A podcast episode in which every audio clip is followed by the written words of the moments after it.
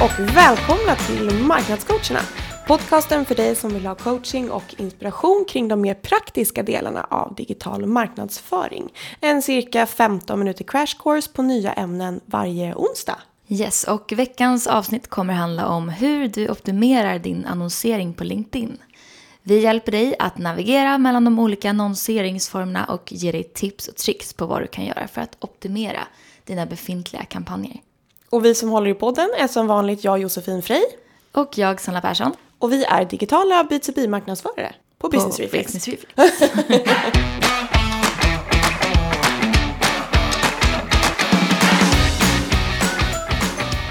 Sociala medier är ju någonting som vi ser att ni våra lyssnare är intresserade av. Vi har gjort lite andra crash courses tidigare, bland annat på eh, hur man sätter upp en LinkedIn-kampanj från scratch. Till exempel av, avsnitt 6. Mm? Jättelänge sedan. det stämmer. Ja, det är nästan ett år sedan. Ja. Eh, känns som en evighet. Ja, vi ser ju att det är populärt och därför tänkte vi att vi ska djupdyka lite mer i just LinkedIn-annonsering. För det är någonting som vi ser funkar generellt sett väldigt bra när det kommer till B2B-marknadsföring. Men det är ju inte alltid helt lätt att veta hur man ska göra för att lyckas. Nej, och vi är ju inne och roddar i det där väldigt mycket. Men, men det är ju någonting som många ställer frågor om. Mm. Personer då som inte är inne och roddar i det mycket. Så ibland så Precis. racear vi igenom den där stegen lite för fort. Men idag så djupdyker vi alltså. Yes. Ja, det är ju vanligt att man kör igång en kampanj. Och sen så låter man den liksom rulla. Utan att göra några större justeringar. Man kikar in lite då och då och ser att liksom, ja men hur ligger vi till med budget och får det några klick och vad är det som händer? Och det är ofta där som många budgetar, de liksom bara ligger där och tickar iväg. Ja, precis. Och eh, det är inte så det ska vara. Utan om man ser att det inte går så bra som man vill så kan man ju behöva göra vissa förändringar och justeringar. Och här kommer vi alltså gå igenom vad du kan ändra, i alla fall lite av de grejerna. För det är ju tusentals saker man kan tänka på. Och när det är dags att göra det. Först tänkte jag ändå så här, vi, vi går igenom lite basic, vilka olika annonsformer det finns. Så att vi förstår hur landskapet ser ut där ute. Ja, eh, sponsored content i alla fall, som är den vanligaste, eh, är den som jag tänker på allra först. Och då finns det två stycken olika. Det finns ju direct sponsored content och sponsored content. Sponsored content är när man sponsrar ett befintligt inlägg som redan ligger på företagssidan. Eh, Medan ett eh, direkt sponsrat inlägg är någonting som man liksom skapar i samband med att man lägger upp en annonskampanj. Vad man än väljer att göra så hamnar de i flödet på de som man annonserar mot och det är då märkt med sponsored content. Och jag skulle säga att det är det som man ser allra mest av och många gånger så lyckas ju avsändaren så pass bra att man inte ens tänker på att det inte tillhör ens naturliga flöde utan att det faktiskt är någon som har nästlat sig in. Så att man vill ju få det så naturligt och native som möjligt så att det passar in i mottagarens naturliga miljö. Jag vill inte få ont i våra ögon. Nej, och samtidigt ska man sticka ut så det är en fin balansgång. ja, faktiskt. Verkligen. Och en annan vanlig annonsform som, som man kan använda sig av det är så kallade sponsored in-mail. Och det är ju alltså att man får möjlighet att skicka eh, en artikel, en annons i ett mail direkt till en persons inkorg på LinkedIn. Ja, det, det är väldigt vanligt och många vet vad det är eftersom att vi dagligen använder inmail eller ofta använder inmail för att skicka meddelanden och ta emot meddelanden. Men jag tror att, att just att få liksom sponsrad inmail är inte lika vanligt även om det är on the rise. Det har ju generellt sett en hög open rate. När vi har kört eh, sponsored inmail så har det haft en väldigt hög open rate och sen så kan det vara lite klenare sådär med klicken. Det använder man ofta när man har stenkoll på vilka det är man vill nå, till exempel om man har ett speciellt erbjudande till en specifik typ av eh, persona eh, eller ett event för eh, utvalda personer. Och fördelen där är ju att man kan skicka med lite olika avsändare. Precis, och det blir ju väldigt riktat så att man känner sig verkligen utvald när man får mejlen. Ja, det kan vara lite kostsamt så man behöver ju välja tillfälle med omsorg. Eh, och min känsla är att om man jobbar mycket med social selling till exempel så är det ett bra alternativ. Yes, absolut. En annan typ av annonsform som vi ska nämna det är så kallade text ads. Och de ser man i högerkolumnen bara på laptop. Så att du som surfar på mobil ser inte de här. Och det är många som tänker att det här, nej men det här ger ingenting. Så man struntar i att ens överväga den här typen av annonser just för att de bara syns på laptop och så vidare. Men, men jag skulle säga att de kan vara väldigt bra om man vill nå ut till ett lägre pris, för de är billigare generellt sett, till en större publik som surfar just på dator. För det kan ju vara så att det du annonserar kring inte är optimalt att eh, göra på mobilen. Din landningssida kanske lämpar sig bättre i datorn och så vidare. Kanske vi borde testa, men har du någonsin klickat på en sån? Nej, det har jag inte. Jag ser dem knappt själv faktiskt. I det här rummet är liksom konverteringsgraden noll. Ja, absolut. Jag skulle nog inte välja det i första hand. Men eh, man ska testa Det innan man säger någonting som man inte har testat. Det Nej. kanske funkar superbra för, för ert det. företag. Yes, vem vet. Eh, Det finns ju också ett annat format som är lite så här, eh, många inte ser. Eh, Och det är ju sådana här dynamic ads. Jag tror att det, det är 0% i konverteringsklick. Det här rummet. Click-through rate här i det här rummet också. Det är de här, när man är inne på laptop så ser man också som en liten smal textremsa som oftast med någon form av uppmaning under den här eh, svarta LinkedIn-menyraden som är. Just det. Innan Nej, flödet liksom, innan man kan köra kommentarer. Precis. Så, och det är oftast någonting som är kopplat till dig i din yrkesroll då. Yes. Mm, jag har aldrig klickat på. Nope. Eh, ett annat format som har ju varit lite favoriserat också, som vi har pratat om tidigare, är ju video. Och då kan man också göra sådana här video ads. Det släpptes i våras. Lyssnar ni på det här väldigt långt efterhand så är det alltså april 2018. Och innebär att man kan annonsera med ett filmklipp som man laddar upp direkt i kampanjverktyget istället för att använda sig av YouTube eller någon annan typ av videoplattform. Yes, så det var fem olika annonstyper. Och i det här avsnittet så kommer vi främst fokusera på hur du optimerar en annons som är just sponsored content. Innan du kör igång så är det viktigt att du vet vad du vill åstadkomma. Som alltid, de här målen. Vad har ni för mål? Vå- Ja, Vad har, har ni för för mål? val, vå- mål? Ja. Vad har ni för mål?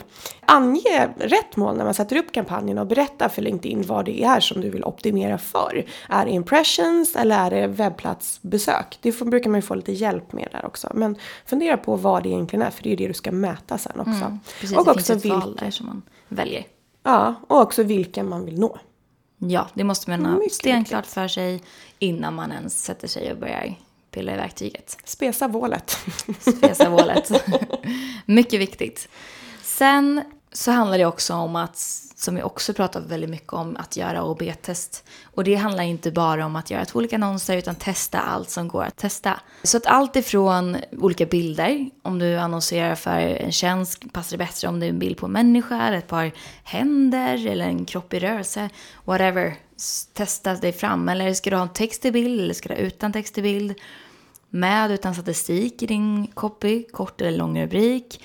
Använda olika ord. Ska du kalla din, eh, ditt dokument för guide eller e-book? Vad funkar bäst? För här finns det ju inga rätt eller fel, utan du måste ju bara testa dig fram för vad som funkar för just din målgrupp.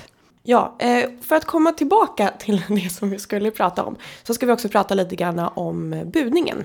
Och en sak som vi tänker ofta på som man kan fega lite grann med är just det här med budet och eh, hur mycket man eh, knappar in där. Eh, Vi säger våga höja budet. LinkedIn kommer ju ge förslag på intervaller som man, de vill att man ska buda inom. De har liksom en minimumbeloppet och eh, maximibeloppet så får man lite så här förslag också på att det är ungefär det här summan som det, det allmänna liksom, eh, budet ligger på. Ungefär. Eh, och generellt så lägger man sig någonstans inom liksom det här spannet. Men när det är hög konkurrens om just den här målgruppen kan det vara värt att liksom chockhöja budet. Ni har rätt, chocka dem. För att snabbt komma upp till eh, toppen.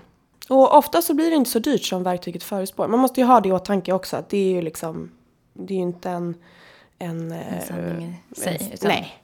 Nej, precis. Och apropå budget så, och apropå att våga, våga eh, vara lite eh, offensiv med sin budget så kan man testa att starta med en väldigt hög budget de första, den första perioden av din kampanj. Och där kan du då samla in så mycket data som möjligt i början som du sen kan ha användning för att dra slutsatser av eh, och klara dig på en lägre budget resten. För då vet du, ja, du vet mer helt enkelt hur målgruppen funkar och vad som funkar och inte med dina olika annonsformat och sådär.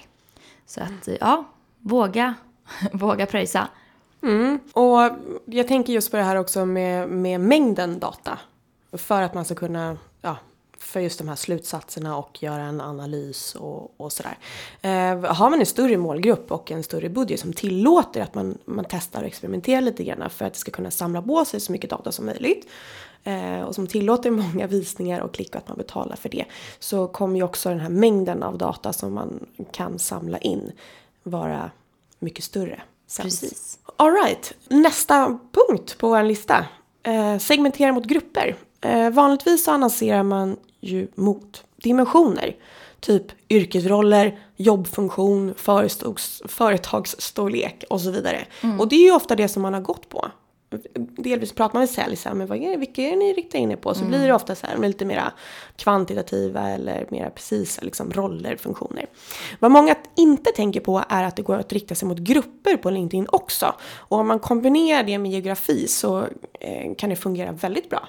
Till mm. exempel olika intressegrupper. Precis, det finns ju grupper för det mesta faktiskt. Och när det kommer till den audience eller målgrupp som man får upp i verktyget så handlar det även här om att testa sig fram såklart. Men man kan säga generellt sett att du vill ju ha en audience som är stor nog för att din kampanj ska funka såklart. Men den ska också vara tillräckligt liten för att bara nå de som verkligen är din målgrupp.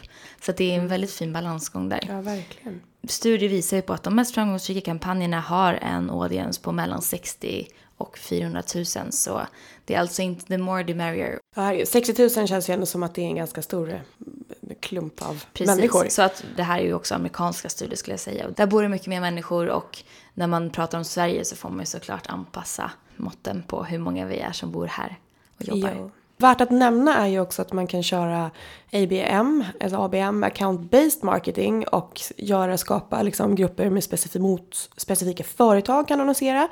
Eller att du kan tänka lite så targeting, typ de som tidigare besökt din webbplats. Och för att det ska fungera så skapar man en matched audience. Eh, och det krävs också att man har installerat LinkedIns tags eh, Mm. för att det ska funka för conversion och insight-taggen. De här grejerna är lite svåra att hitta men när man är inne på målgrupp så finns det liksom högst upp så finns det en liten, liten, liten flik där man kan liksom klicka på select och då hoppar den här mm. menyn ner. Det är många som missar det. Yes, men den finns där och kan vara väldigt bra. Ja. Lite snabba tips avslutningsvis. Nummer ett, testa ditt content från din företagssida först. Så vilka poster går bäst? Vilka poster går inte bra? Det här resultatet kommer avspegla sig även på dina kampanjer som du betalar för i och med att det är stor del av de människorna är samma målgrupp så att du kan lista ut vad det är som funkar och inte funkar. Mm. Bra indikation. Yes. Ett annat tips är att vara kortfattad. Studier visar på att 150 tecken eller mindre är det som fungerar bäst på just sponsored content. Ja, och då kommer vi till nästa tips som är var rakt på sak. Eh, och berätta direkt vad syftet med posten är, alltså vilken call to action du har. Så slipper du slösa deras tid och du slipper slösa dina pengar på att de ska komma in på en sida där de inte har förstått vad de ska göra eller liknande. Så var tydlig och rakt på sak. Ja. De här tagsen som vi alldeles nyss nämnde, conversion tag och insight tag. Se till att ni installerar dem på sajten så att ni kan mm. eh, få ut lite mera av statistiken och eh, nej, kunna se vad det är som händer. Yes. Vad som går bra och vad som inte går bra och varför och hur och följa. Och slutligen exkludera mera. Och då menar vi så här att det är onödigt att predika för de redan frälsta, det vill säga era egna anställda. De behöver ju inte se eh, era annonser och riskera att ni får betala för deras klick. Så du kan exkludera till exempel vissa företag, kunder eller konkurrenter och så vidare. Yes. Det kan vara ett bra tips. Och när ska man göra justeringarna? Jo, om du har lägre än 0,35% i click-through rate, byt ut annonserna för det känns inte som att du kommer att få ut någonting av det eventuellt. Byt ut dem bara. Mm. Om du har en, en click-through rate som är mellan 0,35% och Eh, upp till 1% så kan du tänka att du ska vara nöjd med själva annonsen. Går det lite trögt att nå ditt mål, testa och höj, justera lite bud. Eh, men generellt, inte annonsens fel utan justera budgivningen. Precis. Och om du då har nått upp över 1% i click-through rate så kan du vara glad. Och det är de här annonserna som du ska satsa på. Och för att maximera räckvidden då på de här så kan du testa att byta budgivningsstrategi, buda högt på cost per impression, alltså kostnad per tusen views, och testa dig fram hur du kan nå ännu högre. Man kan säga också att hög click-through rate kombinerat med bred räckvidd stärker din annons väldigt mycket. Om du har en click-through rate på en annons som har gått väldigt bra och så börjar den dala jättefort så här. Eh, så kan du börja fundera på om det är dags att byta ut de annonserna. För om dina annonser har körts länge blir de liksom lite gamla och folk slutar att klicka. Det är ganska naturligt. Så byt ut annonserna med jämna mellanrum. Precis. Ja. Det var veckans crash course om LinkedIn. Här kommer det bonus! Här kommer en bonus. Här kommer en annons. Och det handlar ju om att vi på Business Reflex, vi växer och blir fler och vill ha in fler marknadsförare som oss. Man kan kort säga att du kommer jobba med samma saker som jag och Josefin gör. Det vill säga att hjälpa små och medelstora B2B-företag med deras digitala marknadsföring och affärsgenerering. Vi tror att du just nu arbetar som marknadskoordinator eller marknadsansvarig på ett mindre bolag.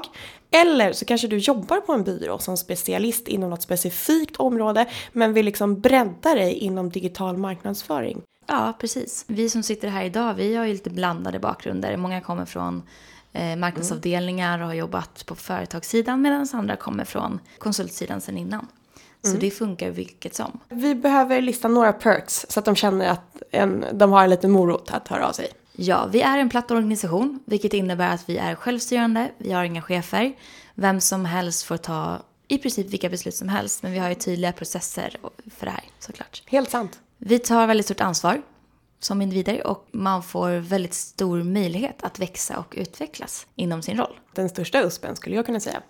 Vi sitter också i fräscha lokaler inne i Gamla stan om det är någonting som ni tycker låter trevligt. Vi har en mycket trevlig takterrass. Och man får inte glömma vår härliga företagskultur som inkluderar till exempel eh, konferensresor till Kroatien har vi gjort nu två år i rad. Mycket trevligt. Oh, och annat kul. Och ja, vi har väldigt kul på jobbet. Ja, det är bra grejer. Läs mer på länken i avsnittsbeskrivningen eller kontakta oss direkt på marknadscoacherna at businessreflex.se så kan vi berätta mer om den här tjänsten. Och tipsa era, era folk, eller säga. Ja. Tipsa era, era nära och kära och vänner eh, som ni tror skulle kunna vara intresserade. Ja, och du kanske är vår nästa kollega. Åh, vad det där lät! Sälj hit. men det kanske är så. Ja, men ha det så fint så hörs vi igen nästa vecka. ja, hej då! Hej då!